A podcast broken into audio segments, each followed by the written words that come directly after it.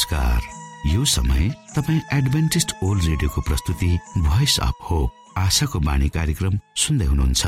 कार्यक्रम प्रस्तुता म रवि यो समय तपाईँको साथमा छु।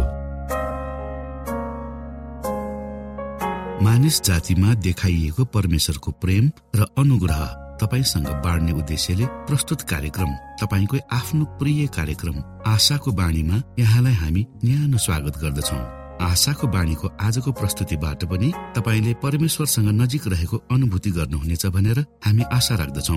आउनु श्रोता यो मधुर भजनसँगै हामी हाम्रो मुख्य कार्यक्रमतर्फ लागौ।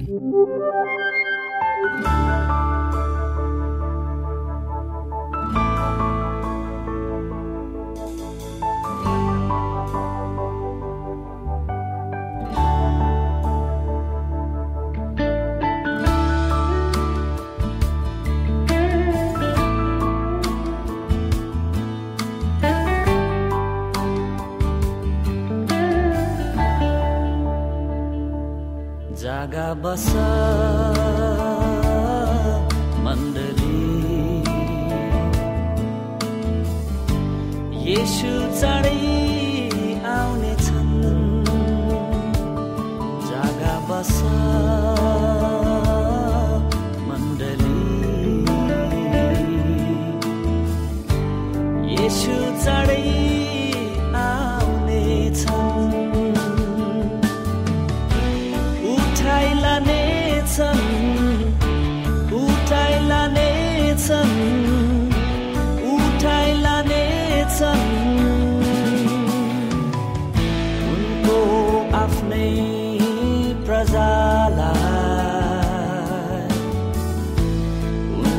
आफ्नै प्रजालाई जागा बसा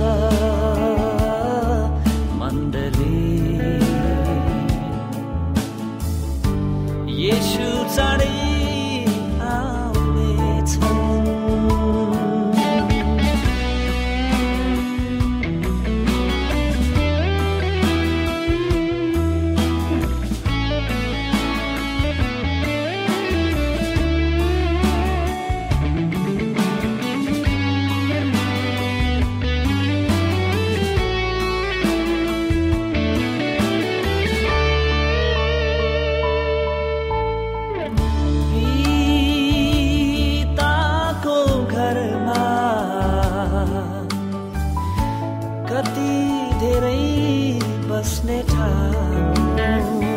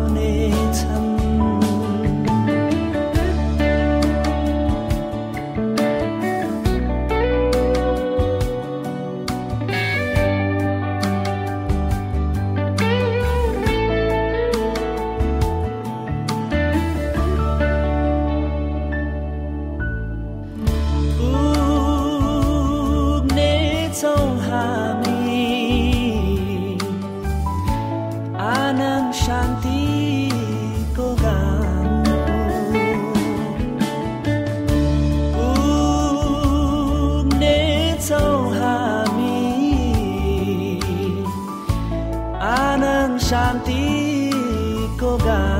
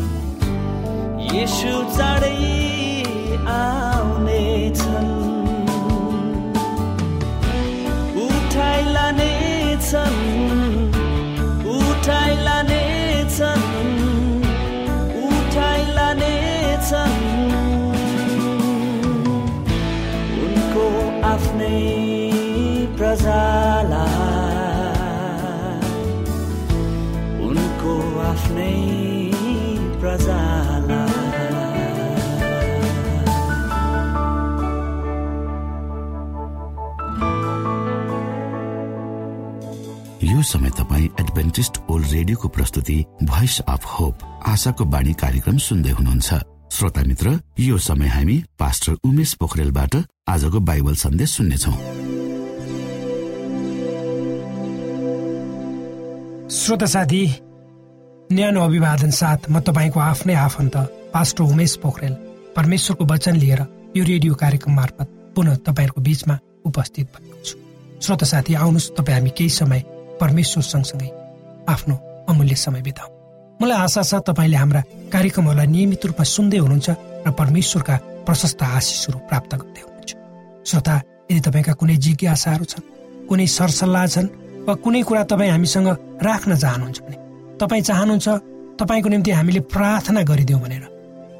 कृपया गरेर हामीलाई हाम्रो पत्र व्यवहारको ठेगानामा लेखेर पठाइदिनु भयो भने हामी तपाईँप्रति आभारी हुने थियौँ आजको प्रस्तुतिलाई पस्कनुभन्दा पहिले आउनुहोस् हामी परमेश्वरमा अगुवाईको लागि बिन्ती राख्नेछौँ। जीवित जिउँदो महान दयालु परमेश्वर प्रभु हामी धन्यवादी छौँ।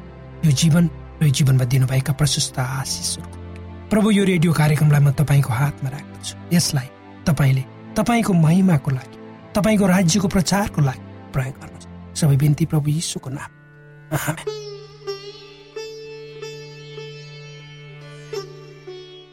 श्रोत साथी महात्मा गान्धीलाई प्रभु येशूको शिक्षा धेरै मन पर्थ्यो भनेर भनिन्छ। उहाँले पवित्र धर्मशास्त्र बाइबलमा लेखिएको डाँडाको उपदेश खुब चाख मानेर पढ्नुहुन्थ्यो अरे एकपटक महात्मा गान्धीलाई कुनै ठाउँमा केही कुरा भन्नको निम्ति अनुरोध गरियो। तब उहाँ उठेर भन्नुभयो मेरो जीवन नै सबै कुरा हो मैले केही भनिरहनु पर्दैन। मेरो जीवनले नै सबै कुरा भन्छ। उहाँले आफ्नो जीवनलाई साधारण व्यावहारिक र कुनै किसिमको हिंसाबाट टाढा राखेर जिउनु भयो। र यदि तपाईँले भारतको दिल्ली जाने मौका पाउनुभयो र त्यहाँ महात्मा गान्धीको त्यो सङ्ग्रहालय छ जहाँ तपाईँले भिजिट गर्ने मौका पाउनुभयो भने महात्मा गान्धीले प्रयोग गरेका उहाँ सुत्ने ओछ्यान उहाँ पढ्ने ठाउँ सबै कुरा तपाईँले देख्न सक्नुहुन्छ र तपाईँले बुझ्न सक्नुहुन्छ। त्यत्रो महान व्यक्तित्व कति साधारण हुनुहुन्थ्यो भनेर। र उहाँले यसो भन्नुभयो भनेर मैले सुनेको छु। मलाई क्रिस्ट मनपर्छ तर क्रिस्टियनहरू मलाई मन पर्दैन किनकि इसाईहरू क्रिस्ट जस्ता छैन। यो प्रत्येक इसाईहरूको निम्ति एउटा ठुलो पाठ हो जस्तो मलाई लाग्छ। उहाँले त्यो किन भन्नुभयो म जान्दिनँ। जसरी गान्धीजीले मेरो जीवन नै एउटा खुल्ला समाचार हो भनी भन्नुभयो त्यो कुरा हाम्रो जीवनमा पनि आज लागु हुन्छ। हामी आफ्नो घर समाज काम गर्ने ठाउँमा कसरी प्रस्तुत हुन्छौँ? के बोल्छौँ? र के गर्छौँ? ती सबै कुराहरू मानिसहरूले हेरिरहेका हुन्छन्। तपाईँ नयाँ ठाउँमा किन नजानुहोस् जहाँ तपाईँलाई कसैले नचिन्ला सुरु सुरुमा। तर जब तपाईँ उक्त नयाँ ठाउँमा केही दिन बस्नुहुन्छ त्यहाँ भएका मानिसहरूले तपाईँलाई निहालेर हेरिरहेका हुन्छन्। यद्यपि त्यहाँ बस्ने सबै मानिसहरूसँग तपाईँ नबोल्नुहोला। तपाईँले औपच तपाईँले औपचारिक परिचय नदिनुहोला। तर पनि मानिसहरूले तपाईँलाई तपाईँको व्यवहार हावभाव र प्रस्तुतिद्वारा चिन्छन्। र केही मात्रामा तपाईँ कस्तो मानिस हुनुहुन्छ भनेर। त्यसैले त इङ्ग्लिसमा एउटा भनाइ छ action speaks louder than voice अर्थात् हाम्रो काम हाम्रो हावभाव हाम्रो बोलीभन्दा माथि केही दिन अगाडि एउटा साथीसँग मेरो भेट हुन्छ। हामी धेरै वर्षदेखि एकअर्कालाई चिन्छौँ। र कुनै समयमा हामी एकै ठाउँमा दिनौँ काम गर्दथ्यौँ। त्यो साथीको बारेमा मलाई राम्रै थाहा छ। त्यसैले कुरा गर्दा बडो होसियार हुनुपर्ने। धेरै वर्षपछि पुनः हामी केही घन्टा सँगै समय बिताउँछौँ। र उसको प्रस्तुति र बोलीमा अझै परिवर्तन नआएको म सहजै अनुमान गरिहाल्छु। केही समयको छोटो वार्तालापपछि। तर मलाई दुःख पनि लाग्यो किनकि त्यो साथीले अझै आफूलाई चिनेको रहेनछ भनेर। तब उसले अरूलाई कसरी चिन्ने त? मैले मनमा नै उसको निम्ति प्रार्थना गरेँ परमेश्वरसँग। त्यसरी त्यसै गरी अर्को एकजना भाइसँग कामको सिलसिलामा मेरो भेट भयो। ती भाइले मलाई उनको घर जग्गा उद्योग धन्दा देखाउँछु भने आफ्नो मोटरसाइकलमा पछाडि राखी मलाई विभिन्न ठाउँमा लागे। उक्त ठाउँ मेरो निम्ति नौलो थियो। किनकि म त्यहाँ एक दिनको निम्ति मात्र गएको थिएँ। त्यो भाइले मलाई यति देखायो र भन्यो यो खेत मेरै हो यो कम्पाउन्ड लगाएको घडेरी पनि मैले भर्खरै किनेको। माछा फारम मेरै बङ्गुर पालन मेरै यी सबै मेरा हुन् धेरै धेरै। म एउटा मनोविज्ञानको विद्यार्थी। उक्त भाइलाई हेर्न साथ उसको बोली सुन्न साथ कमसे कम पचास प्रतिशतसम्म उसको हैसियत म सहजै अनुमान गर्न सक्छु। र मलाई थाहा थियो उसले जे भन्दैछ त्यसमा पचहत्तर प्रतिशत घटाएर मैले बुझ्नुपर्छ। र मैले त्यसरी नै उसँग व्यवहार गरेँ। विशेष गरेर हामी इसाईहरू जसले आफूलाई क्रिसका अनुयायी भनी दावी गर्छौँ। संसारका निम्ति क्रिसको तर्फबाट खुल्ला पत्र हौ हामीहरू। र उक्त पत्रलाई जसले पनि पढ्छ। र क्रिस्ट प्रभु नै उक्त पत्रको लेखक हुनुहुन्छ। र उक्त पत्र उहाँले प्रत्येक उहाँका विश्वासीहरूको हृदयमा आफ्नो रगतद्वारा लेखिदिनु भएको छ। हामीहरू शान्तिप्रिय मानिस हुनुपर्छ।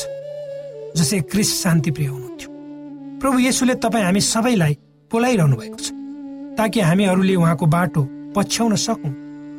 र उहाँको कहिले ननिब्ने ज्योतिलाई ग्रहण गरी अन्धकारमा भएका धेरै मानिसहरूलाई ज्योतिमा ल्याउन सक्छ। त्यसैले त भनिएको छ ज जसले उहाँलाई पछ्याउँछ त्यसले अन्धकारमा हिँडडुल गर्नु पर्दैन। जसले उहाँको मुखमा थुक्छ उहाँलाई उठ्छ उहाँको विषयमा गिल्ला गर्छ तिनीहरूलाई समेत उहाँले क्षमा दिनुहुन्छ उहाँले हामीलाई यो दुष्ट संसारमा कसरी बाँच्नु वा जिउनु पर्छ भनी धेरै उदाहरणहरू दिएर जानुभएको छ। क्रिस्टका अनुयायी भएर हामीले उहाँको उच्च स्वभाव र नैतिकतालाई हाम्रो जीवनबाट देखाउनुपर्छ। हामीहरू क्रिस जस्तै हुनुपर्छ। तर ज जसले आफूलाई इसाई हो भने दावी गर्छन् ती सबै इसाईहरू होइनन्। किनकि मानिसहरूले हामीलाई हेरेर अर्थात् हाम्रो व्यवहारलाई देखेर सहजै भन्छन् कि हामी सही इसाई हौ वा केवल नामधारी इसाई हो भनेर। त्यसैले तपाईँ कसरी हिँड्नुहुन्छ? त्यसले तपाईँको पहिचान दिन्छ। जुन कुरा तपाईँ लाई मनपर्छ। ती कुरा जब गर्नुहुन्छ तपाईँ को हुनुहुन्छ आफैले आफ्नो परिचय दिइरहनुहुन्छ। पराजित अवस्थामा आफूलाई जुन किसिमले तपाईँले प्रस्तुत गर्नुहुन्छ अर्थात् प्रतिकूल परिस्थितिमा पनि तपाईँ आफ्नो विश्वास र भरोसामा तपाईँ अडिक हुनुहुन्छ। मानिसहरूले तपाईँ कस्तो भन्ने कुरा सहजै बुझ्न सक्छ। तपाईँले खाने कुरा तपाईँको खाने चलनले मानिसहरूले तपाईँ को भनेर भन्छन् श्रोता साथी मलाई याद छ एउटा साथी। उसलाई धेरै किसिमको रोगहरू छ। तर उसले खाने खाने कुराहरूमा मासु चिल्लो पदार्थ पेय पदार्थहरू हुनै पर्छ। उसलाई थाहा छ ती कुराहरूले उसको स्वास्थ्य झन बिग्रिन्छ तर पनि ऊ खान छोड्दैन। मर्नु पर्यो भने खाएर मर्छु भन्ने गर्छ। अलिकति पनि संयमता उसमा छैन। अब उसलाई देखेर अरूले सहजै अनुमान गर्छन् ऊ को हो? र उसले कस्तो कुरामा विश्वास गर्छ। तपाईँ र म आफ्नो जीवनप्रति संवेदनशील र जिम्मेवारी छौँ वा छैन? वा हामी कस्तो व्यक्ति हौ भन्ने कुरा हाम्रो खाने बानीले स्पष्ट देखाउँछ। जो मानिसले आफ्नो शरीरलाई र आफूलाई माया गर्दैन त्यो मानिसले अरूलाई कसरी माया गर्छ?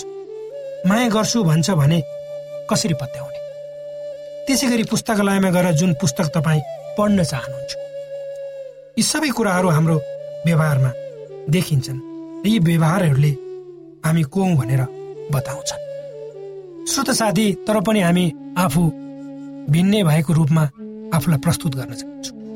वास्तवमा हामी कस्ता छौँ त्यस्तै रूपमा आफू प्रस्तुत हुन चाहँदैन र गलत रूपमा आफू प्रस्तुत हुन्छ। मलाई एउटा कथाको याद आयो जसलाई मैले सानो हुँदा सुनेको थिएँ। एउटा जङ्गलमा राजा चाहिएछ त्यो जङ्गलको राजा मर्यो नयाँ राजा चाहियो र जङ्गलका सबै ठुला जनावरहरू भेला भएर राजाको खोजी गर्ने हिँडे। जङ्गलको राजा भनेर सिंहलाई मानिन्छ। एउटा स्यालले उक्त कुरा थाहा पाए। र उसको मनमा आफू सिंह भएर जङ्गलको राजा हुने महत्वाकांक्षा जागे र ऊ आफूलाई सिंह जाइ र उसले आफूलाई सिंह जाइ सिँगाए र ऊ जङ्गलमा गयो। र ऊ जङ्गलको राजा भयो। जङ्गलका जनावरहरूले नयाँ राजा पाए र उक्त स्याल जब राजा भयो तब सबैले उसलाई माने।